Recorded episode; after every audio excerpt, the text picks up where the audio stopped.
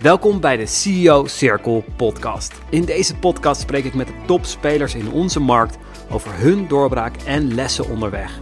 Geïnspireerd op Napoleon Hill, die de meest succesvolle ondernemers ter wereld interviewde voor zijn boek Think and Grow Rich. Waarom spelen zij het spel op een totaal ander level dan 95% van de zelfstandigen? Wat was de sleutel tot een doorbraak? Hoe houden deze ondernemers focus en regie? Waar lopen ze tegenaan? En met welke mindset, welke tools spelen ze dit spel? Ik vraag ze het hemd van het lijf om daar achter te komen. Dus blijf zeker luisteren om net als deze ondernemer je doorbraak te maken naar jouw volgende level. En ga naar rogier.live test als je inmiddels al een aantal jaar onderneemt, je een prima omzet draait, maar daar wel telkens keihard voor moet werken. Je soms verdwaalt in alle complexiteit en je gewoonweg niet goed weet wat er voor nodig is om het volgende level te doorbreken, terwijl je weet dat er veel meer in zit. Op rogier.live test krijg je na het doen van een korte test glashelder zicht op wat jouw groei vertraagt en welke gebieden je focus verdienen voor explosieve groei.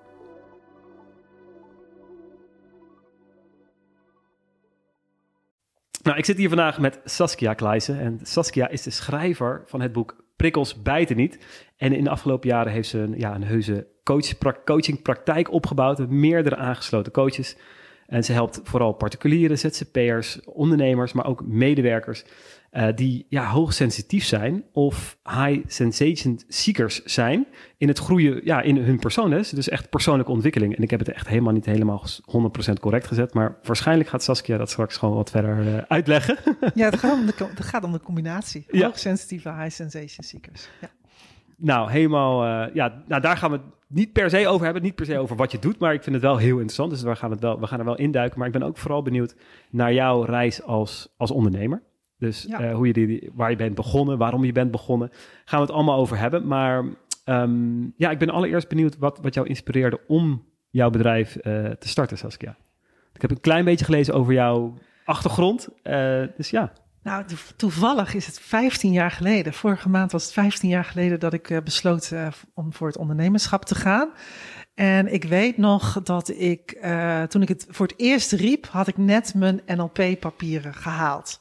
En ik kreeg het diploma uh, in handen en ik zei, nou nu weet ik het zeker, ik ga ervoor. Ik word ondernemer, heb ik echt letterlijk zo gezegd. Omdat ik al heel erg lang struggelde met de verschillende banen die ik had gehad. En vooral de, de ik wel vaak genoeg uitdaging had, maar de zingeving ontbrak. Ik vond de dingen die ik deed uh, minder ter zake doen in een mensenleven. Ik had altijd het gevoel, ja, daar ben ik nou niet per se voor nodig. Mm -hmm. En ik, nou ja, eigenlijk is het een hele um, zelf, uh, hoe zeg je dat? Heel erg vanuit het zelf dat je betekenis wil geven aan dat je hier bent. En ik vond werken met mensen meer betekenis geven aan waarom ik hier ben dan uh, adviseur zijn of docent zijn of, of bij een of ander commercieel bureau werken. Ja. Dus dat was ook de reden waar, waarom jij die, die NLP-cursus uh, of training uh, opleiding Ja, ik deed eigenlijk al vanaf mijn 23ste allerlei uh, trainingen op het gebied van persoonlijke ontwikkeling. Met name omdat ik mezelf eigenlijk al niet snapte. -hmm. En ik dacht, ja, als je dat doet, dan, dan krijg je in ieder geval meer inzicht in hoe je werkt, waarom je doet wat je doet, uh, waarom je denkt wat je denkt. En dat, dat, dat hielp mij enorm. Maar ik vond het ook heel fascinerend om dat bij andere mensen te zien. Wat dat omdat het zo totaal anders is dan hoe je zelf in elkaar zit. Ja. En het hielp me ook in al mijn banen hoor. Ik vond, het, uh, ik vond het een verrijking om in vergaderingen oog te kunnen hebben voor weerstanden die mensen hadden. En dan daarachter te kunnen kijken van hé, hey, wat maakt nou dat dat er is? Wat is er kennelijk dan belangrijker voor jou dan wat hier nou ter tafel komt? En dan krijg je een hele andere level in je vergadering, of zeg je een andere diepgang. Dus ik, ik kon het altijd gelijk inzetten. Maar het uh, menselijk gedrag vond ik altijd al fascinerend. Ja. En dat is misschien nog wel de meest belangrijke drijfveer. Dat het zo ontzettend jammer is dat mensen dingen doen die eigenlijk tegen hun eigen natuur ingaan. En dat ze dan niet helemaal tot bloei komen. Dat ze eigenlijk stroomopwaarts aan ja. het zijn misschien. Ja. ja, dat is helemaal niet erg om dat een poosje te doen. Maar dat wil je toch niet in je leven. Het is ook wel eens fijn om dat een beetje vanuit plezier en uh, ja, vrolijkheid te kunnen doen. Ja, dat je wat meer ja, in flow komt. Ja, Helder, helder. Ja. Hey, um, en is jouw, jouw visie uh, sindsdien veranderd? We hebben je, je bent natuurlijk gegroeid, maar... Ja, ja. Ja, is enorm. Het bedrijf is enorm veranderd. Waarin ik zelf in de begintijd ook heel erg worstelde met mijn eigen sensitiviteit. En het lastig vond om in dynamieken met mensen uh, goed bij mezelf te blijven. Ik was een erg aangepast kind al, denk ik. Uh, ik had feilloos door wat er van mij verwacht werd. En daar, daar, daar hield ik me ook keurig aan. En daardoor verlies je ook een stukje eigen identiteit. En mm -hmm. ik denk dat ik daar in de begintijd van mijn uh, carrière en mijn coachingspraktijk ook heel erg op gefocust was. En dat dat nu eigenlijk veel diverser is. Het gaat nu veel meer ook hoe kun je een leven creëren zoals passend is voor jou. Dus uh, ja. uh, waar word jij nou blij van? Waar ontleen jij je zingeving, je voldoening aan? hoe wil jij je bedrijf runnen? Hoe wil jij, wat voor type manager wil jij zijn? Uh, dus eigenlijk al, de basis begint al bij jou, bij ik. Wie ben ik? En vanuit Echt, daaruit uh, keuzes maken in je leven. En was je ja. altijd al, uh, als ik gewoon als, als, als klein kind, was je daar ook altijd, was je ook al gefascineerd over, over menselijk gedrag? Ik of? bestudeerde ze al wel altijd. Ik was echt zo'n zo'n heel verlegen, observerend kind. Ja? ja. Ja, Heb je een absoluut. situatie waar je dat, uh, ja, misschien de, Nou, misschien ken, uh, ken, je dat wel hoor. Dat, dat, zijn gewoon kleine dingen die ik als kind al niet begreep. Dat als je thuis kwam en uh, je kwam binnen en je voelde, oh, ik weet niet, mama, een beetje knorriger. En dat ik dan vroeg van, hoe gaat het? En ja, goed, weet je, dat. Zo'n zo'n stem waar je, mm -hmm. iemand zegt goed en je voelt niet goed. En ik denk dat ik daar als kind al heel sterk op reageerde en dan zelf al een beetje geïrriteerd werd en het gewoon overnam. Niet eerlijk. Wat, wat, of zo, nou, hè? Nou, of, of nou dat nog niet eens, maar gewoon gelijk de emotie overnam van de ander en dan dacht dat, dat ik dat was. Dat ik iets zei wat niet goed was. Of het persoonlijk betrekken ja. van de incongruentie van anderen. Ik denk dat ik dat heel lang gedaan heb. En dat zie ik volwassenen in mijn praktijk nog steeds doen. Dus dingen overnemen die helemaal niet van jezelf zijn, omdat je dat gespiegeld krijgt. Dus het is eigenlijk gewoon continu, um, of continu, je zit altijd op die menskant van, hè, je zit ja. altijd op die menselijke kant ja. en je kijkt altijd naar het menselijke potentieel eigenlijk, wat ze misschien niet, waar ze, ja, wat, wat je aan het begin al zei, ze zwemmen eigenlijk soms, soms tegen die stroom in. Ja. En je wil ze eigenlijk meer laten meestromen. Ja, omdat, omdat onze maatschappij verwacht heel veel van ons. Hè. Je gaat naar school, je kiest een opleiding, dan moet je op een idioot vroege leeftijd al doen. Je kiest een vak, maar uh, het is net of het dan moet stoppen of zo. Maar je interesses, die kunnen natuurlijk nog steeds veranderen en uh, totaal een andere richting opgaan. En dat is, daar, daar is onze maatschappij eigenlijk helemaal niet op ingericht. Dus je hebt een functieprofiel en daar moet je binnen blijven. Maar heel veel mensen ontwikkelen zich en krijgen interesse buiten dat functieprofiel of een bepaalde taak die ze in hun profiel helemaal niet leuk vinden. En graag iets anders erbij willen doen en daar ook heel goed in zijn. En dat, dat kan dan heel vaak niet. Tenminste, zo heb ik dat ervaren. Dat kan dan niet, want dat is dan de functie van iemand anders. Uh, en dan schikken we ons weer in dat hokje van dat functieprofiel. En je gaat maar door en door, want dat is kennelijk wat er van je verwacht wordt. Maar het is zo zonde, want we hebben een heel lerend brein. Het is heel erg. Uh, als kind ben je nieuwsgierig naar van alles. Je ziet iets en je gaat erop af. Je hebt jonge kinderen in huis, daar zie je het nog het meest duidelijke. Maar wij, eigenlijk word je dat heel snel afgeleerd zodra je op school gaat. Dat als jij in de kring zit als kleutertje en je ziet opeens iets anders wat je leuker vindt, dan is het niet de bedoeling dat je op gaat staan en dat nee, leuker nee. gaat doen. Nee, absoluut. Je moet op een stoeltje blijven zitten en doen wat de juf zegt. Dus we worden eigenlijk al vanaf jongs af aan gedrild om te doen wat er van ons verwacht wordt en uh, wat binnen een, een, een, kader past. Of dat nou een lesprogramma is of een vakgebied. Um, en ik denk dat het een gemiste kans is, want er zijn gewoon een hele grote groep mensen die daar helemaal niet goed op gedijen. Dat is in ieder geval mijn doelgroep. Ja, nou, dat, het klinkt al als iets heel bekends. De, in die zin, hè, het, het mee laten stromen door, of eigenlijk, nou ja, het, het systeem eigenlijk, waar ja, je dan in, systeem, in, in, die zin inrolt. Ja. Hey, en uh, mijn zoon, hè, die is nu, nou, is bijna vijf. Zou je hem kunnen uitleggen, misschien een hele moeilijke vraag, maar goed, ik ga hem toch stellen. Mm -hmm. uh, zou je hem kunnen uitleggen wat jij nou precies met Anahata doet? Of waar je hem uiteindelijk mee kan helpen? Een vijfjarige. Dus, ja, vijfjarige. Je moet absoluut niet naar mij komen. ik heb mijn eigen kinderen al genoeg. ja, nee, wat ik doe... Uh, als ik dat tegen een kind van vijf zou moeten zeggen... is weer de blijdschap uh, in zichzelf uh, wakker maken. Ja. ja, en dat het uit zichzelf komt. Ja, dus ik maak niet iemand blij... maar ik zorg wel dat iemand zijn blijheid weer van binnen kan voelen. Wauw. Dat, ja, dat is heel mooi. Dankjewel.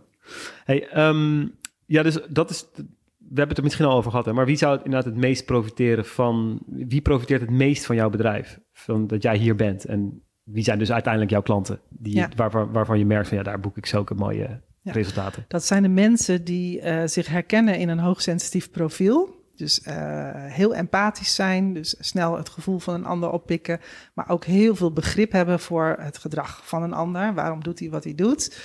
Eh, flink veel nadenken, heel gedegen eh, met zaken bezig zijn. Maar daar dus ook wel sneller stress van krijgen.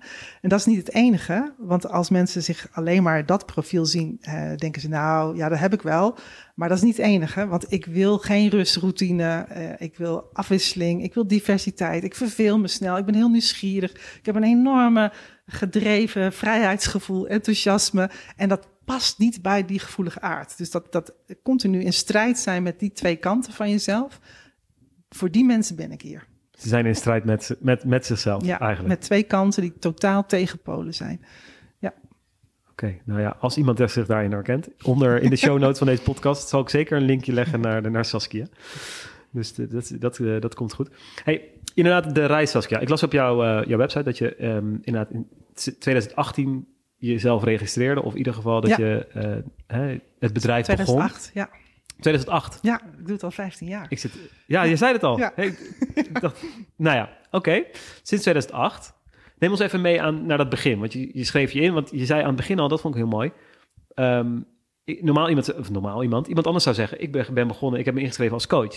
Maar jij zegt, nee, ik word ondernemer. Ja, Dat vind ik wel heel grappig. ja. Waarom eigenlijk? Wat, wat, ja, ik vind het een heel groot verschil, maar ook weer niet. Maar Ik heb me dat nooit zo gerealiseerd. Dus dat jij dat nu zo zegt. Ehm, ik denk dat ik altijd al verlangde naar ondernemerschap. Want ondernemerschap was voor mij het ultieme vrijheidssymbool wat je kon hebben. Want dan was er geen leidinggevende, dan was er geen management, dan was er geen bestuur. Dat zijn allemaal draadjes en touwtjes waar je aan vastzit als je ergens moet functioneren in een onderneming of eh, organisatie, als het een Mhm. non-profit is. En ik heb dat altijd als, eh, eh, als rem gezien. Ik heb, ik heb maar, ik denk, twee keer in mijn leven meegemaakt dat ik een leidinggevende had, waardoor ik me gemotiveerd en geïnspireerd voelde. En de rest vond ik altijd een rem. Die hadden allemaal regels en richtlijnen waarbinnen ik moest functioneren. En dan had je een plan. Dat kon dan niet, om allerlei redenen. Dan was ik weer te jong, dan kwam ik nog maar net kijken. Of dan was het iets wat ze hebben we al lang geprobeerd. Weet je? Eh, of nee, dat wil het bestuur niet. Ik dacht, nou, dan moeten we het bestuur overtuigen. Weet je? Dat, eh, hè? Hoe kan iets wel? Daar wordt vaak niet naar gekeken. Er wordt vaker gekeken naar waarom iets niet zou kunnen. En dat vond ik altijd heel beklemmend. Dat, en frustrerend ook vooral. Ehm, en, en, het, en het belemmert je in leuke dingen doen. Want dan moet je je dus schikken in, in dingen zoals het altijd al ging. Terwijl je aan alle kanten kan zien dat niet efficiënt is, niet effectief en dat niemand er blij van wordt. Maar de frustratie werd dus op een gegeven moment wat hoger. En jij Ja. zei van, nou, nu is het klaar. Nu, nu heb ik die, die Ja. opleiding afgerond en ik ga beginnen. Ja, nu zie ik in door die opleidingen dat ik wel degelijk iets te bi- bieden heb in één op één eh, contact. En Mhm. mensen eh, inzichten kan laten ontdekken over zichzelf. Dus dan heb je ook de vaardigheden om echt iets te kunnen. En toen dacht ik, ja, dan ga ik het gewoon doen. Ja, en dat was het eerste jaar eh, nou echt nog niet direct een succes hoor. Ik geloof dat ik drie, vier klanten had. Maar ik vond dat helemaal prima, want het gaf me zo'n boost aan energie van... eh, ik ga dit gewoon eens eh, letterlijk proberen. Kijken wat ik leuk vind. Wat voor type mensen eh, passen mij. Want dat had ik toen, die niche-markt die ik nu heb, was, was toen nog helemaal niet zo duidelijk. Sterker nog, ik durfde zelf amper te zeggen dat ik hoogsensitief was. Want dan dachten ze gelijk dat ik een soort van Jomanda was. Of een of ander vaag, zweverig typeje. En daar, dat wilde ik niet. Dus eh, heel die klant, dat de hele klantprofiel was echt nergens te zien. Ik was zo'n coach die iedereen hielp. Ja, logisch dat je dan geen klanten vindt. Ja, ja. Maar dat was mijn eigen proces. Ik moest eerst daar zelf stevig in staan voordat ik dat kon uitdragen. En ik weet dat ik eh, na anderhalf jaar volgens mij dat ben gaan doen. En dan, dan verandert het heel snel. Dus ik heb ook eerst eh, gewoon parttime eh, gewerkt en daarnaast rustig aan dat bedrijf opbouwen. En dat was voor mij echt perfect. Ik kon gewoon lekker een beetje testen. Ik, eh, mijn brood was er niet van afhankelijk. Ik, kon, eh, ik had toen ook kleine kindjes, dus ik kon het een beetje, nou, kon het allemaal perfect organiseren met thuis. En eh, ja, en toen ging het toch best wel, eh, best wel snel dat ik, ik geloof dat ik nog drie jaar in loondienst ben gebleven. Mhm. Nou, toen verzoop ik een beetje in het werk. Of, of van mijn werk, of van mijn praktijk. Ja, de, en de combinatie werd, twee jonge, werd jonge kinderen. En dat, ja, dat groeide boven mijn hoofd. Dat, dat was echt heel confronterend. Toen ging ik met een student, want ik werkte toen op het HBO eh, in het ondernemerschapsonderwijs. En er kwam een student in een minor. Ik vergeet haar nooit meer. Ze had een heel erg groot bloeiend tassenbedrijf. En eh, die zat in de klas altijd met een enorme chagrijnig gezicht van wat doe ik hier? Totaal ongemotiveerd. Dus ik had haar uit de klas geplukt en ik zei, ik ga even na de tijd even met jou babbelen. Wat gebeurt hier nou? Hè? Dit zou jij leuk moeten vinden. En uh, toen zei ze, ja, dat weet ik ook wel, maar ik wil gewoon ondernemen. Ik wil helemaal niet meer naar school. Toen hadden we een heel boeiend coachgesprek. En zij heeft eigenlijk in dat gesprek besloten van, ja, ik moet gewoon stoppen met school en ik ga dit aan mijn ouders vertellen. En zij liep de deur uit. Ik dacht, ja, wie heeft nou wie gecoacht? ja, ja. Want ik moet eigenlijk ook van school af. Ja, ja, ja. ik moet ook kiezen voor mijn bedrijf. Dus we hebben dat eigenlijk een beetje tegelijkertijd gedaan. Dat, uh, heb je daar ooit nog wel eens gesproken? Ja, heb ik haar ook verteld. Ja, dat weet ze. Ja, ze is later nog een keer teruggekomen in de praktijk. Geweldig. toen kon ik het haar vertellen, ja. Ja, soms hoor je jezelf dingen zeggen dat je denkt, ja. Mm dus komt gewoon direct ja, bij mij weer precies. terug. En ik geloof ook heilig in dat je soms mensen nodig hebt die, die jou ook spiegelen. En, en, je klanten doen dat. Ik denk dat het in heel veel bedrijven geldt dat je gespiegeld wordt door klanten. Ja, hè? ja. Je bent niet altijd nou ja, beter dan de klant. Helemaal, helemaal nee, absoluut niet. niet. Nee, nee, zeker niet als coach. Nee, coaches die dat denken, die hebben het nog niet helemaal begrepen. Nee, nee. Hey, en no, neem nog heel even terug. Jij zei inderdaad, ik, ben, ik, wil, ik word ondernemer, geen coach. Ja. Uh, ja, jouw gezin was ondernemend, dacht ik. Uh, mijn vader had een, uh, een bedrijf. Ja, ja, ja. die repareerde, ja, dat hadden we toen nog. CD-spelers, video's, videoapparatuur, televisies. En ja, nu flikkeren we alles in de vuilnisbak, kopen we nieuwe. Maar toen was dat nog echt duurzaam, duur spul, waar je dus iemand ja. dat liet repareren. En dat deed mijn vader. Ja. En komt het daar door een beetje dat jij zegt van, ik denk het wel. Ik heb, ja. ik heb heel veel voorbeelden in mijn familie, uh, met name van mijn vaders kant, die ondernemen. En ik heb gezien wat voor vrijheid dat geeft in hoe jij wil werken. Op welke tijden jij wil werken. Mm -hmm. uh, voor welke mensen je wil werken. En dat je uh, zelf steeds ook bij kan sturen in wat je nog wel of niet leuk vindt. Ja. En die, die vrijheid heb ik fijn gevonden. Ik bedoel, hij, ja, mijn vader kon ook naar huis gaan als, hij, als dat even nodig was. Uh, die, die, was flexibel in het gezin. En was ook thuis. Ja, ja zeker. En, en, ik heb, zeker in de beginjaren had ik jonge kinderen, heb ik echt gewoon parttime ondernomen. Ik vond het belangrijk om ook thuis te zijn en ook uh, in hun ontwikkeling uh, een aanwezigheid te zijn. Ja, vond ik niet altijd even uitdagend. Kleine kinderen zijn ook onderprikkelend. Mm -hmm. Zeker die standaard opvoeddingen. Maar ik ben heel blij dat dat uh, op die manier ja, heeft gekund. Ze zijn nu pubers. Dus nu, uh, maar nu ook, nu, nu, doe ik het nog steeds. Dat als ik weet dat, uh, dat ze zelf niet lekker in hun vel zitten en om vier uur thuis zijn, ben ik er ook om vier uur. Daar houd ik rekening mee. Ja, dat vind ik heerlijk aan ondernemerschap. Het hoeft voor mij niet 60 uur in de week. Maar nu, nu niet, niet per se naar de keuze, of ik wil niet per, per se naar de keuze om te gaan voor ondernemerschap, terwijl ik dat heel interessant vind.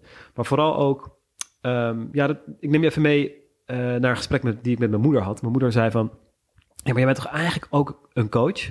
En um, ik, ik hoorde op tv dat uh, de coaches, uh, dat er heel veel coaches tegenwoordig zijn. En ja, dat er te veel coaches zijn. En er werden allemaal grapjes over gemaakt. En er werden een beetje mensen voor de gek. Iedereen wordt maar coach en zo. Ja, ja en ook, ja. ja. ik werd eigenlijk een beetje zo in zo'n hoekje gedrukt. Zo van, hè? Ja, verdedig je daar maar, maar, eens, maar eens voor, weet je wel. Toen dacht ik, ja, hoe, hoe, kijk jij daarnaar? Dat, dat er inderdaad veel coaches zijn, of dat dat een beroep is wat tegenwoordig veel, uh, ja, waar, waar, veel mensen in beginnen, zeg maar. Um, ja, hoe kijk jij daarnaar, naar, naar dat, dat ja, dat gebeurt? Ik, ik, vond, ik vond het heel irritant, die discussies. Want uh, ik ben wel eens met ze dat, dat het woord coach zegt namelijk niks meer. Uh, omdat die diversiteit zo groot is. Maar kijk even naar de consultants. Weet je, hoeveel consultants hebben we en hoe, hoe, specifiek zijn die allemaal? Dat is enorm divers. Hoeveel schoonheidsspecialisten hebben we? Als je die aantallen naast het aantal coaches zet, valt het echt wel een beetje mee. Ja.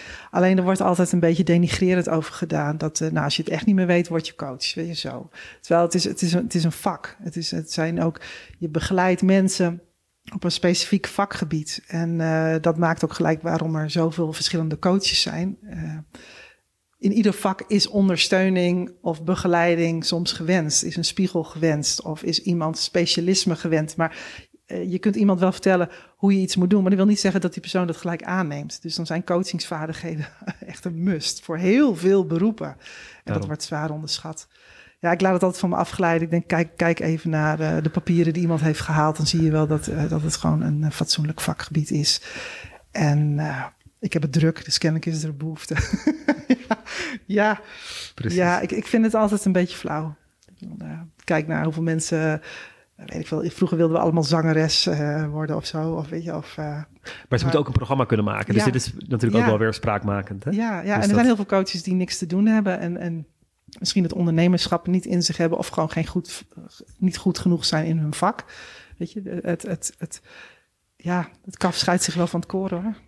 Maar daar wilde ik natuurlijk ook met je over hebben. Over dat verschil um, tussen ik word een coach of ik word een ondernemer met een coachpraktijk.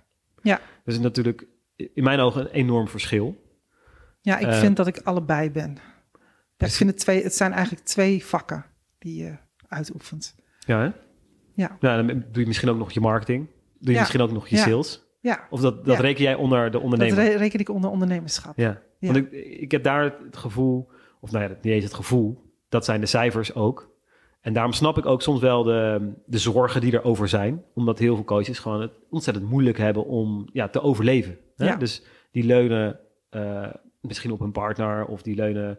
Of die, inderdaad, die, die moeten inderdaad langer in, in loondienst blijven. Wat helemaal niet erg is per se, denk nee, ik. Hè? vind dat ik niet. Kan, een mooie, kan heel wel overwogen. Kan een heel, hele mooie, mooie tijd zijn. Maar misschien hebben ze wel diep van binnen dat ze het gevoel hebben van... ja, ik zou eigenlijk het liefst gewoon... Ja, hè? ja dat zou heel... Ja, Soms is dat ook niet zo. Hè? Ik ken ook mensen die en uh, met liefde uh, het coachvak uh, hebben en voor de afwisseling juist iets heel anders ernaast doen. Een van mijn coaches doet dat, die is ook grafisch ondernemer. En dat doet ze hartstikke goed. Dus die is goed in meerdere vakken. En dat is ook wel het profiel wat, wat, wat ik heb. Hè? De hoogsensitieve high sensation seekers zijn vaak multitalents. En je ziet heel vaak dat ze of verschillende bedrijven uh, naast elkaar hebben. Ik had net uh, vanochtend een uh, meneer op bezoek en dat, die, die hield zich bezig met kwaliteitssystemen. En daarnaast handelde die in mooie motoren en auto's. Twee bedrijven, totaal verschillend, hebben niks met elkaar te maken. En allebei leveren ze heel veel plezier en voldoening op. Ja, dus je kan, meerdere, ja. ja je kan sowieso meerdere, ja, dat meerdere kan ook dingen doen, denk een ik. bedrijf zijn. Ja. Maar ik denk, is het voor jouw bedrijf noodzakelijk geweest dat je ook onder, eh, dat je naast coach ook die ondernemer was, denk je, voor, voor waar je nu staat? Het ondernemerschap, uh, ja, het is altijd lastig. Ik kan dat niet meer loszien van elkaar. Maar zonder ondernemerschap was ik nooit gekomen waar ik nu ben. Dat, ja, ja. dat was nooit gelukt. Want als je, als je niet weet hoe je je klanten aanspreekt, de herkenning oproept, uh, duidelijk maakt waarvoor ze bij jou moeten zijn, wat ze kunnen halen, wat dat oplevert. Um, nooit je productontwikkeling neerzet. Um, ik heb producten ontwikkeld. Ik ben niet afhankelijk van uh, mijn coaching. Sterker nog, de coaching één op één is nu, ik denk, nou, een kwart van mijn inkomsten of zo. Het is, het is maar een klein stukje. En al die andere producten uh, maakt dat ik kan groeien. Coaching heeft, is natuurlijk eindig. Je hebt maar een beperkt aantal uren dat je kan coachen en wil je groeien. Um, wat ik ook heel leuk vind, om gewoon nieuwe dingen te proberen. En dan is de groei niet eens het doel. Want ik, ik zou bijvoorbeeld niet meer coaches willen hebben dan dat ik nu heb. Um, maar ik, ik wil wel nieuwe producten ontwikkelen en dat kunnen vermarkten. En daar heb ik wel tijd voor nodig. En dan zou het kunnen betekenen dat je dan moet zorgen dat je tijd kan krijgen en weer wat extra andere coaches aanneemt. Maar, maar, zou je zeggen dat de coach die blijft dan één op één en uh, de ondernemende coach, misschien ik label het even, ja. hè, uh, ondernemende coach, die ontwikkelt producten? In mijn beleving wel. Ja. Ja. Ja. En, en heeft daar ook een, uh, een hele duidelijke visie in. Mm -hmm. waarvoor die producten nodig zijn. Te vaak hoor ik coaches, ja, ik krijg te weinig coachklanten, dus ik moet een online programma.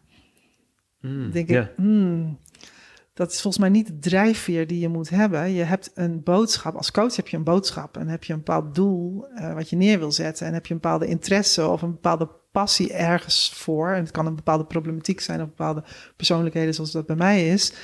Maar je hebt, je hebt iets te brengen waar behoefte aan is.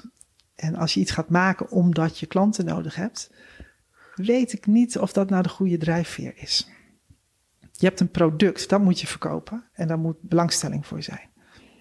Ja, dat klopt. En ik vind het allemaal jouw, jouw, als ik jouw pad denk ik volg, dan is het, heb je, zat je op een gegeven moment misschien vol als het gaat om één op één? Uh, ik, ik zat vol en sterker nog, ik stond op het punt om de toko uh, te beëindigen, omdat ik alleen coachen niet meer leuk vond. Uh, en ondernemerschap is leuk zolang je lol hebt in wat je doet, maar fulltime coachen is niet aan mij besteed.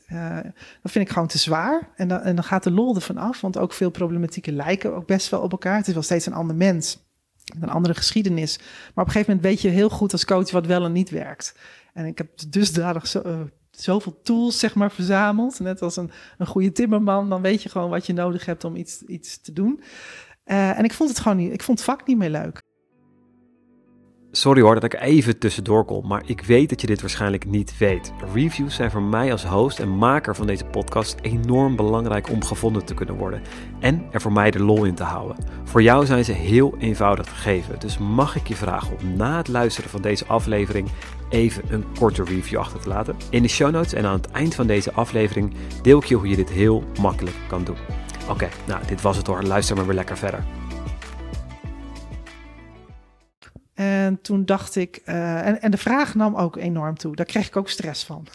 dat ik dacht, ja, het, het, het, het, format, het business format, dat klopt niet meer.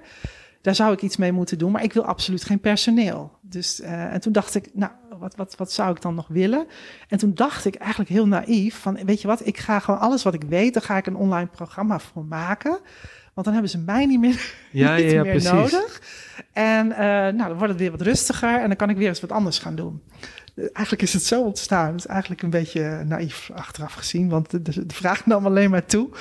En uh, uh, de diversiteit nam ook toe. En dat maakt het wel weer heel leuk. Ja, dat heb jij ook weer nodig, toch? Kwam, ja, en, en live programma's, uh, die, die, ja, die werden dus ook weer interessanter. Omdat, omdat ik gewoon veel meer naar buiten trad met die online programma's.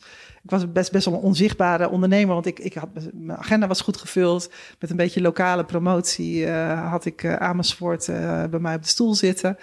En ik wilde ook maar drie dagen in de week werken. Dus de, de, de, toen zat er nog niet zo heel veel ondernemerschap in. Maar pas toen ik het wilde stoppen kreeg, eigenlijk. Ja, toen werd het pas extra wakker. Want toen kon ik er ook uh, de diversiteit en afwisseling in uh, brengen. En dat ontdekte ik toen gewoon eigenlijk per ongeluk.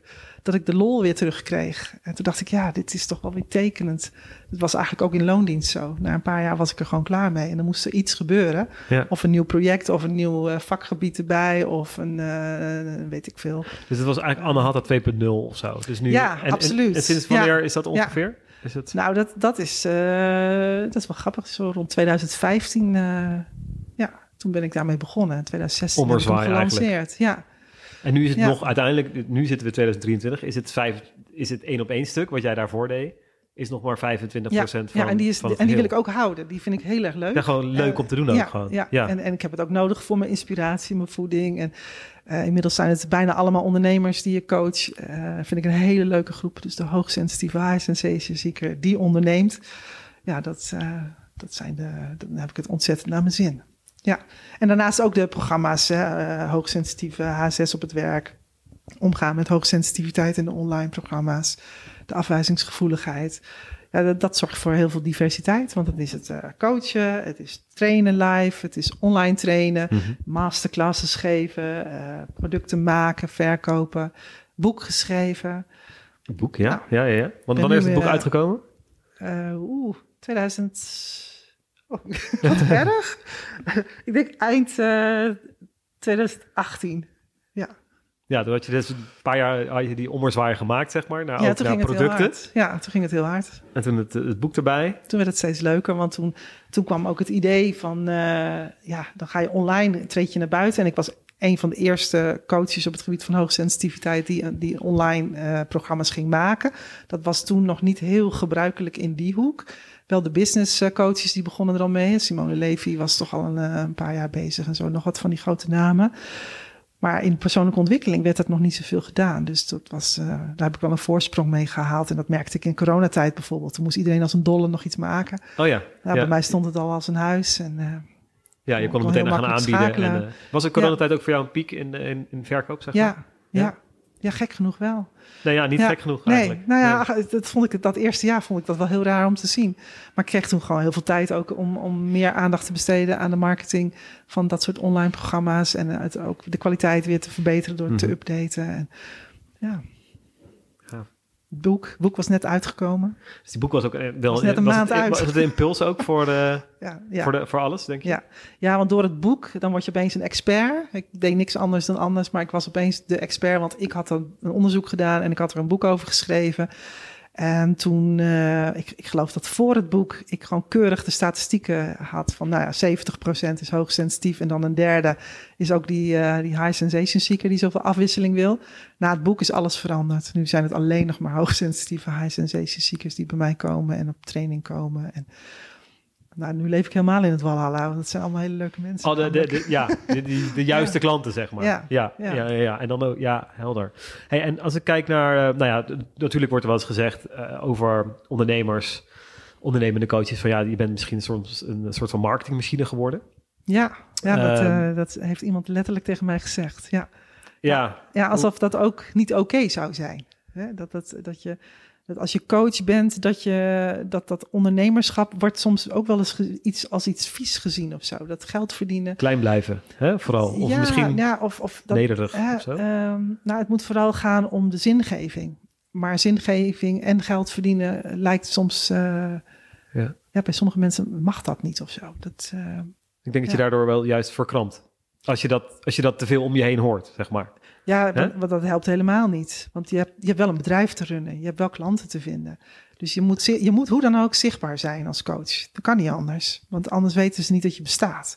En dat, daar is niks ergs aan om, om zichtbaar te zijn. En te zeggen dat je iets goed kan. En dat je eh, iets te brengen hebt. Dat, eh, ik weet niet, dit is een bepaalde nederigheid eh, die, die ik ehm, in, in mijn coaching niet heb gehad. Wel in de zichtbaarheid. Dat vond ik wel erg eng. Want dan kan je kop eraf gehakt worden. En dan Kwetsbaarheid. die Ja. kwetsbaarheid, die, die heb ik in de, in de begintijd wel, eh, wel ingewikkeld gevonden. Maar ik denk dat iedere coach, nou, iedereen die met mensen werkt, moet wel zichtbaar zijn. Want anders weten ze niet wat je kan en wat je te doen, eh, ja, dus, te bieden hebt. nou ja, ben ik wel maar die marketingmachine. Als jij dat Ja. zo labelt, Ja, helder. ja het, is, het is helemaal oké, want ik weet ook dat het andere stuk er ook is. Het is namelijk en-en. Ja, impactmachine. Ja, Of een misschien- impactmachine. Dat vind ik wel een Ik hele geen mooie. marketingmachine, Een ja. impactmachine, ja. ja. Want als je, als je gewoon de, de dankbaarheid van je klanten terugkrijgt, daar gaat het En dat over. deel je. En, en, en, en, en dat boek, dat is, dat, is, dat is de grootste marketingmachine die ik heb. Mensen die herkennen zich zo waanzinnig in dat wat ik schrijf, dan hoef ik helemaal niks meer te doen eigenlijk. Want dan eh, hebben ze het al het idee van, oh die dame die Wil snapt je daarmee aan het. de slag? Die snapt het, dus Zoiets. bij haar moet ik zijn, punt. Ja. Ja, dat is net zoals met die video's. Mensen zien een, een videootje op YouTube en denken, ja, dat is het. Dat is het. moet ik zijn. Ja, dat is maar drie minuten film. Ja. Ja, Oh, krachtig. Nou, die nemen we meteen mee. ja. Eh, Saskia, dat zijn misschien al, hè, want ik dacht, wat, wat zijn nou echt de ja, succesfactoren? Maar dan denk ik, ik vind jou ook echt iemand die, niet, ja, die gewoon echt zichzelf is, die, die dit zelf uitvindt, die zo dicht mogelijk bij zichzelf komt. En dat komt natuurlijk ook wel door, door deze kennis. Hè? Ja. Dus dat je jezelf ook echt eh, eh, sinds je twintigste, wat je, wat je zei, eh, Ja. al met persoonlijke ontwikkeling bezig bent. ja. Want ik zeg ook wel eens, of ik nou, in mijn podcast, mijn vorige gesprek met, met Bas, die zei van ja, ehm, eh, je bedrijf kan niet groter zijn dan, jij, dan wie jij bent zelf, zeg maar. Dan je Ja, die eigen gaat, persoonlijke eh, ontwikkeling. ik zeg letterlijk ook op mijn site van je persoonlijke ontwikkeling bepaalt je zakelijke groei. Nou, dat is Ja. bij jou waarschijnlijk Ja. heel erg gaande. Hè? Ja. Of, eh, ja, ben ik het helemaal mee eens. die, die, eh. die groei. Dus dat is wel een van de succesfactoren, lijkt mij, voor, voor jouw succes. Eh, nou ja, de opperzwaai hè, die je in 2015 maakte naar ook naar product. ja, Uiteindelijk de uitgave ja van je ook boek. een- eigenlijk is dat ook een, eh, ja, absoluut. Het is ook Toch? een succesfactor. ja, anders was je gestopt. Anders ja, anders, als, ik, toch? als ik die diversiteit niet in mijn bedrijf had kunnen bewerkstelligen, dan was ik absoluut gestopt. Ja, ja want dan wordt het saai en ik, eh, dat trek ik slecht. Maar toch, dat is ook wel grappig, hè? Want Ja. ik, ik denk dan, iemand denkt misschien, ja, je moet misschien vijf bedrijven hebben als eh, eh, high, sensa- zo, Ja. high sensation seeker. Ja, hè?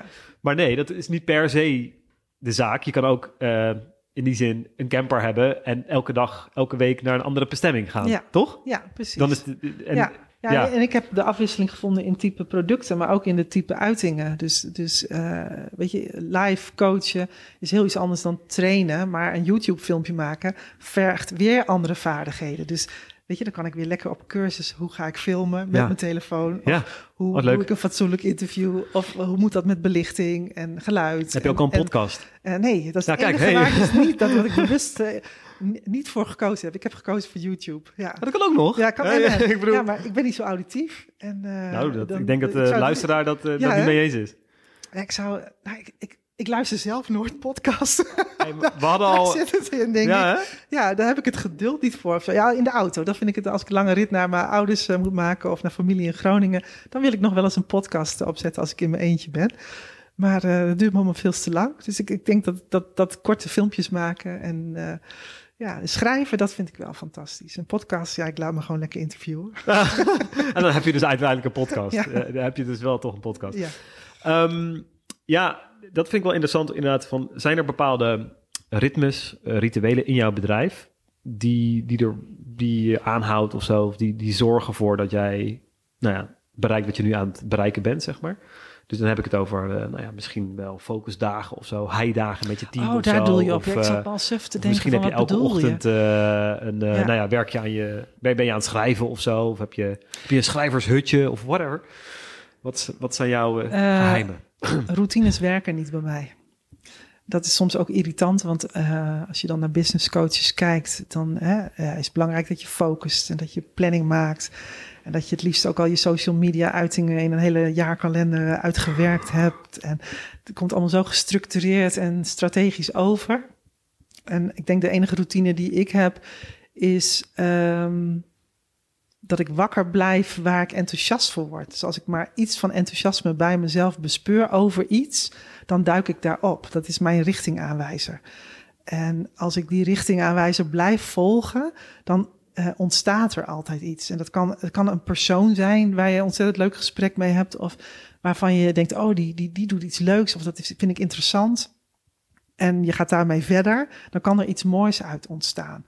Of als ik opeens merk bij een bepaalde klant eh, dat een bepaald thema heel erg speelt. Dat ik denk, oh, maar dit is allemaal voor mij zo logisch. Hier, oh, hier kan ik wel iets van maken. Of een leuk videootje. Of, die volg ik. Want daar, dan, dan, dan heb ik inspiratie en daar moet ik eigenlijk acuut naar luisteren.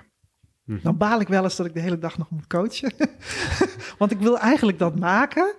Ehm, maar ehm, tegenwoordig schrijf ik het dan toch wel even op. Want de ellende is dat ik het een week later ook weer vergeten kan zijn. Eh, want dan is er weer iets anders wat mijn aandacht heeft gepakt. En tegenwoordig heb ik wel een boekje waar ik het opschrijf. Dat zodra ik tijd heb, dat ik daar iets mee kan. Ehm, en dus ik gewoon laat eens- plannetjes ook best wel lang even sudderen. Mhm. Dat is ook een rit- een ritme eigenlijk. ja, maar wel een soort organisch ritme, als je het Uh-huh. zo kan zeggen. Want ik, ik heb het wel geprobeerd hoor. Planningen maken. Van dan ga, ik, dan ga ik nu een stukje schrijven over dat en dat onderwerp.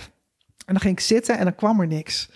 Want dan had ik geen inspiratie over dat onderwerp, want er speelde gewoon iets heel anders. Of mijn aandacht was, was ja, op een, een heel ander onderwerp opeens gefocust. Of er was iets die dag voorgevallen wat, eh, wat ik belangrijker vond. En dan krijg ik dat stukje echt niet uit mijn vingers. Net zoals een boek schrijven. Mensen gaan een week in een hutje op de hei zitten boek schrijven. Ik zou niet weten hoe dat moet. Ik, ik, ik kan schrijven als ik denk, oh, ik heb zin om te schrijven. En dan ga ik schrijven. En, eh, daarom was dat boek ook zo'n zo'n drama aan het eind. Want dan had ik alles wel geschreven, maar dan moet het nog even net iets gestructureerder. Of geëdit eh, of whatever. Edit, edit, edit. Oh, oh dat, ik heb het verschrikkelijk Een soort gevonden. van scriptie opleveren. Ja, exact. Precies dat gevoel. Echt, Ja. worst, kill me. Ja, ja en, en dan... Misschien moet ik toch stoppen, ja, terwijl en- je aan het eind bent. En dan weet je alle data en dan heb je je nieuwsgierigheid helemaal vervuld. Je weet precies eh, wat er nu wel en niet bewezen is. En dan moet het nog opgeschreven worden. En dat is eigenlijk alweer saai, want dan, dan weet ik het al. Mhm. Alleen ik moet het nu nog voor iemand anders opschrijven. Dat was wel ingewikkeld. Maar Saskia, geloof jij ook ja. niet in eh, planningen en zo? Ik, ik, ik ben wel een gedreven mens. Dus als ik op een gegeven moment eh, voel van nu moet ik dit wel doen, dan moet het ook af. Dus dat boek heb ik op een gegeven moment ook afgekregen doordat ik voelde dat het belangrijk was dat het boek er kwam. Dus een soort sense of urgency moet ik voelen. Mhm. Dus ik heb eerst die enorme inspiratieboost. Daar moet ik naar luisteren. Dus ik moet mijn enthousiasme volgen en met die dingen bezig zijn. Maar op een gegeven moment, ik heb wel de, de drive om het dan ook echt eh, te lanceren. En eh, wat ik dan doe is een trucje. Dan ga ik een deadline afspreken met iemand anders. Mhm.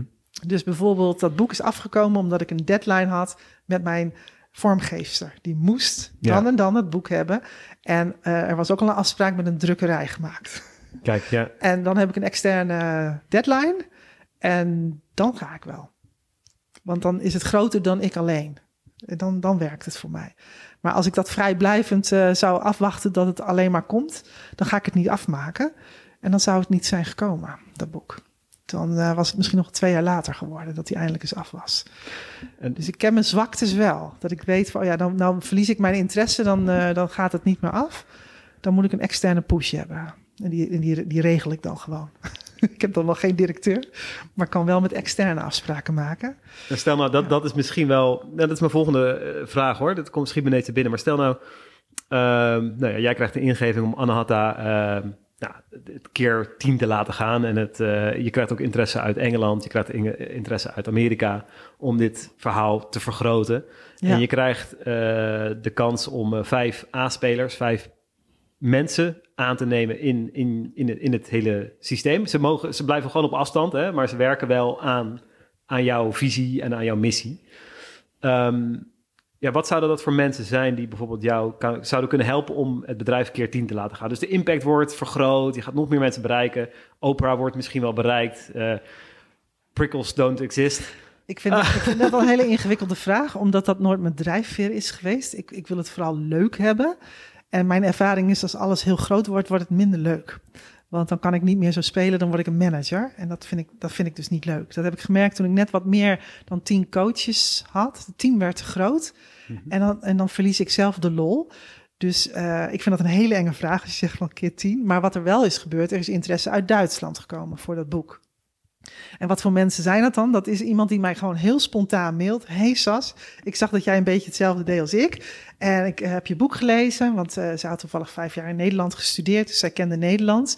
En ze zei, ik vind dat dit in Duitsland ook de markt op moet. Mensen in Duitsland moeten dit ook weten. Het is zo belangrijk wat jij gedaan hebt. Nou, dat vond ik A al superleuk. Maar ik vond haar heel leuk. ik had een klik met haar. Dus we hebben een, eh, een Teams call of Zoom call of, of- of zoiets was het eh, gehad. En, en het grappige was, ik volgde haar ook al een postje op Instagram. Want ik had, ik had iemand internationaal ontdekt die ook met deze groep bezig was. Nou, dat zie ik niet zo vaak, dus dat vond ik leuk. Maar de persoonlijke klik moet er zijn. Als er geen persoonlijke klik is, wil ik niks met iemand. Nee, daar heb ik met schade en schande heb ik dat wel geleerd. Dat als ik eh, denk dat een zakelijk eh, succesfactor is om met die persoon samen te werken en ik voel geen klik, dan wordt een drama. dus, Ja, dat, dus, dus de enige is, vind ik jou leuk? En eh, steek jij me aan met hetzelfde soort enthousiasme als wat ik ook heb? En dan vind ik het helemaal prima. En dan, en dan hoef ik ook echt niet alle credits. Dat boek hebben we ook gewoon 50-50 verdeeld. Dat is niet, niet gebruikelijk in de boekenmarkt. Maar ik, is, je gewoon op gevoel ook. Ja. Gewoon goed gevoel. ja, goed gevoel. Zij vertaalt het, zij vermarkt het daar. Nou, Heerlijk. prima. Ik hoef daar helemaal geen bal aan te doen. Dus ik, ik, ik- zo iemand moet ook heel zelfstandig zijn. En op een paar cruciale momenten heeft ze me gemaild... joh, vind je het goed als ik dit eh, investeer? En vind je het goed als ik dit doe? Maar het is haar verantwoordelijkheid. Ik, ik ben erg van vrijheid, blijheid en zelfstandigheid. Dus de mensen waar ik mee werk, moeten dat ook hebben. Je moet er niet steeds op mij terugvallen. Dat is ook waarom ik geen personeel wil. Ik, ik, ik- ik wil niet aansturen. Ik, ik hou daar niet van. Ik eh, vind het leuk om eh, te inspireren, motiveren en samen leuke dingen te doen. Eh, Maar dan doe jij je ding en ik ook weer. Dus ik heb ook hele zelfstandige coaches. Zijn, de meeste zijn echt goede vriendinnen van mij ook. Die ik al jaren ken van alle opleidingen die we samen gevolgd hebben. En ik, ik kan gewoon mijn hand voor hun, hun in het vuur steken. Die, die doen geen rare dingen met klanten. Of die leveren kwaliteit. En die zijn goed in bepaalde stukken waar ik zelf niet goed in ben. Of andersom. Maar zij zijn zo eigen en authentiek. Dat is prima. Dat, wat zij doen, hoef ik ook niet te doen. En andersom ook niet. Maar in de basis hebben we dezelfde eh, ook. waarden ook, Ja. denk ik. Ja. Mooi. Ja. Ehm, nou, ik denk dat we... één ding wat me nog bezighoudt was ehm, hoe je zorgt voor de juiste balans in je business. Dus balans tussen werk, privé. ja. Je, je gaf het al aan dat je eh, gewoon thuis kan zijn, bijvoorbeeld als, eh, als je, Ja. je kinderen je nodig hebben. Of, maar hoe, ja, hoe, hoe, hoe pak jij dat aan? Hoe zorg je ervoor de... Ja, de- dit, is, dit is de eeuwige struggle. Ja. Gelukkig heb jij hem ook. Ja, ja, dat heb ik ook. En daar ben ik ook altijd heel open in. Want dat is ook precies waar mijn klanten heel vaak mee zitten. Dat als je heel enthousiast bent, ga je ook vol gas. Maar na vol gas geven, ben je ook wel een keer weer leeg. En dan moet je toch ergens weer opladen. En mijn neiging is toch om door te gaan. Dat is mijn, uh, dat is gewoon natural habitat. Ja. En dat, weet, dat, dat, dat pakt ontzettend averechts uit. Dus ik moet mezelf af en toe echt dwingen om, uh, om dat niet te doen. En mijn manier daarin is gewoon alle schoolvakanties vrijnemen. Want dat is fijn hè, met kinderen. Die zijn gewoon mm -hmm. iedere zes weken zijn die vrij. En toen ze klein waren, uh, was het voor mij ook een must. Dan moest ik ook thuis zijn. Want zo hadden wij het thuis geregeld. en dat hielp mij enorm. Want dan had ik gewoon een week of twee weken, of nou in de schoolvakantie zes weken, gewoon niks. Uh, allerlei andere dingen kon ik dan gaan doen. Met de kinderen of uh, iets met vrienden. Of, uh, Lekker. En dan doe je ook echt niks. En, de, toen, toen ze kleiner waren, niks. Ja. Dat begint nu dus te veranderen, want ze hebben mij niet nodig. Dus als zij zelf met vrienden op pad zijn of ze zitten het potje te gamen of te voetballen, dan is mijn neiging, oh, dan kan ik wel even lekker dat YouTube-filmpje editen. maar ik, ik heb ook geleerd dat in mijn werk zitten ook elementen die ik gewoon heel erg leuk vind. Een, een soort hobby. Weet je, een beetje editen en met een videootje klooien voelt voor mij als ik ben gewoon lekker bezig. Dat voelt niet als werk. En uh, dat is altijd lastig uitleggen, ook thuis. Want mijn man zegt, ben je nou alweer aan het werk? Ja, nee, het is, gewoon creatief het is wel mijn werk, maar het voelt niet als werk. Het voelt als ontspanning. Want ik heb alle tijd om hier lekker een beetje mee te klooien. Ja. En dat is ook hersteltijd. Uh, dus tegenwoordig, uh, in de vakanties ben ik best wel vaak wat aan het ontwikkelen. Of iets aan het maken. Of in ieder geval de broed en sluimert wel iets. Dus helemaal niks. Nee, dat doe ik niet.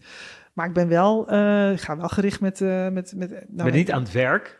Nee, zo, als werk-werk? Nee, ik, ik, zie geen klanten, ik zie geen ja. trainingen. Geen het kan wel zijn misschien. dat ik toevallig een, een stukje schrijf. Of uh, ja, omdat er opeens iets komt. Of een videootje maak. Dat, laat je, dat zet je niet vast. Een masterclass maak. Nee, maar dat kan dan ook s'avonds zijn of zo. Omdat het dan opeens komt. Mooi. En dan ben ik overdag met, uh, met mijn zoon weg geweest. Weet je, dat... Uh, ja.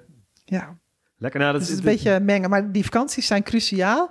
En ik merk, omdat nu de oudste is 17, de jongste die, uh, die wordt uh, dit jaar 15, dat uh, het begint een beetje te verflauwen. Want de meivakantie is bijvoorbeeld twee weken. Dit jaar heb ik opeens een week. Ik denk, hé, hey, wat is hier gebeurd? ik heb dat toch kennelijk ingepland met trainingen. Oh ja, en, ja. dus ik ben al een beetje alert aan het worden dit jaar. Van, hé, hey, pas op. Ik, ja, ik moet het beschermen. Ja, en ik heb ook met mijn, uh, ik heb een, uh, een VA, Ingrid. En Ingrid uh, die, die, die zorgt ook dat in mijn week, dat zij gewoon eens een dag leeg plant. Want dat is dan wel een, een handigheidje. Dat ze ziet van, oh ja, ze heeft nu al drie keer in de week training gegeven. Die vierde dag, dat doet ze gewoon, dus, nou, het staat leeg. En dan weet ik ook, oh, dan kan ik lekker ook even de administratie doen. Of even wat rondklooien en wat langer in mijn bed blijven. Of even extra sporten. Of, dan, dat voelt als vrijheid dan kan het nog wel steeds werk zijn, maar er zit geen druk op de ketel. Lekker. En dat zorgt ook voor balans. Ja. Hey Anata, uh, ik, of Anata, uh, Saskia, ik wilde hem, uh, wilde hem gaan afsluiten, maar ik wil nog je even meenemen naar het moment over, misschien over drie, vier jaar. Zit ik kom hier weer terug, misschien ergens anders, ik weet het niet. Waar, waar sta je dan met, met, met je bedrijf? Met Anahata, dat wilde ik dus zeggen. Waar sta je dan ongeveer met je bedrijf? Heb je daar dat, dat, is dezelfde vraag als die met die vijf uh, ja, ja. mensen die het groot maken. Het is heel grappig. Ik heb op, op de hogeschool heb ik uh, ondernemersles uh, gegeven. Beginnende ondernemers zou je kunnen zeggen. En daar moesten wij altijd in het kader van hun portfolio de vraag stellen: waar sta, wil jij over vijf jaar staan? Oh ja, leuk hè? En dan gaan we terugredeneren wat je dan nu allemaal zou moeten doen. Nou, er is iedere student kreeg het Spaans benauwd. En ik snapte dat zo goed. Want ik heb dat ook. Ik wil namelijk niet weten waar ik over vijf jaar sta.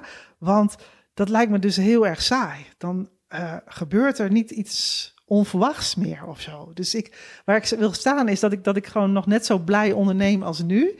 En dat er meer, meer en weer andere producten zijn en dat ik mee ontwikkeld ben uh, met mijn bedrijf. Dat het, dat, dat, het, dat het niet stilstaat in, zo, in, zoverre zoals het nu is, maar dat er weer andere onderwerpen bij zijn gekomen of weer andere formats. Of nou, ik, ik ben nu bezig met een magazine met Crystal. Uh, nou, dat, maar dat ontstaat omdat het leuk is en omdat het nu leuk is.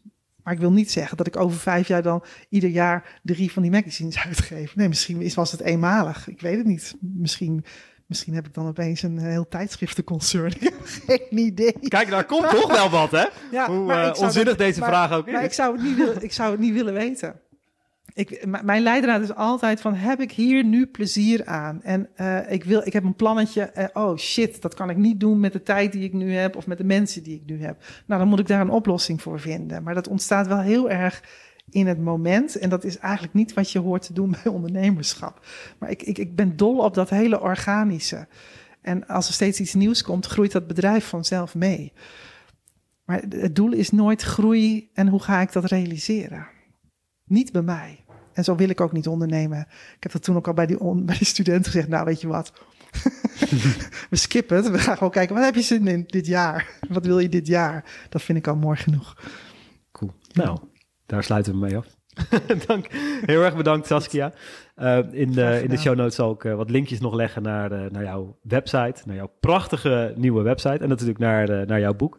Heel erg bedankt uh, voor jouw tijd, Saskia. En ik vind hem heel interessant. Ik, ik ja, toch ga ik misschien wel over drie jaar proberen weer aan te schuiven. En dan kunnen we toch ja. een beetje stiekem kijken. En misschien heeft Saskia dan ineens wel een heel magazinebedrijf. En uh, ja, ja, je weet, het niet, hè? Deze tent helemaal opgedoekt. Misschien is er een soort van luchtballon uh, trip over Amersfoort. Of misschien geeft ze ineens retreats op Mallorca. You never know, weet, hè? Wie weet. Wie weet. Wordt, dat is ook wel exciting eigenlijk. We weten het gewoon niet. Nee, dat is leuk. Misschien en, kunnen we ook en durf het het maar eens niet te weten als ondernemer. Ik denk dat daar de grootste creatiekracht zit. Kijk. Dankjewel, Saskia. Alsjeblieft.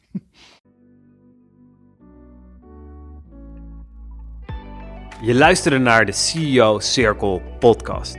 Als je vandaag naar deze podcast luistert in een fase waarin je na jaren van groei een beetje vast bent komen te zitten op hetzelfde niveau, je een prima omzet draait, maar daar telkens weer keihard voor moet werken, die soms verdwaalt in alle complexiteit en je gewoonweg niet goed weet wat er voor nodig is om het volgende level te doorbreken, terwijl je weet dat er veel meer in zit, wil ik je uitnodigen voor de vrijblijvende CEO Scan. Ga naar ceoscan.nl en boek de 1 op 1 scan in. Maak samen met mij je persoonlijke CEO roadmap voor het afrekenen met chaos, ad hoc ondernemen en het kleinspelen. Ga hier zelf of samen mee aan de slag om de volgende doorbraak te maken naar die professionele kennisonderneming met mega impact op jouw doelgroep. Tot snel. Oh, en voor ik het vergeet te vragen, zou je een korte review achter kunnen laten over de podcast? Die zou me hier ontzettend mee helpen. Als je luistert via de Apple-app, kan dat door op de naam van de show te klikken, CEO Circle, en helemaal naar beneden te swipen. Bij beoordelingen en recensies klik je op Schrijf recensie. Luister je via Spotify? Ga dan naar de podcast zelf, waar je alle afleveringen ziet staan. Klik op de drie puntjes rechtsbovenin en klik op Show beoordelen. Alvast ontzettend bedankt en natuurlijk vergeet ik je geen high five te geven op jouw missie, focus, overzicht en de juiste uitrusting naar boven.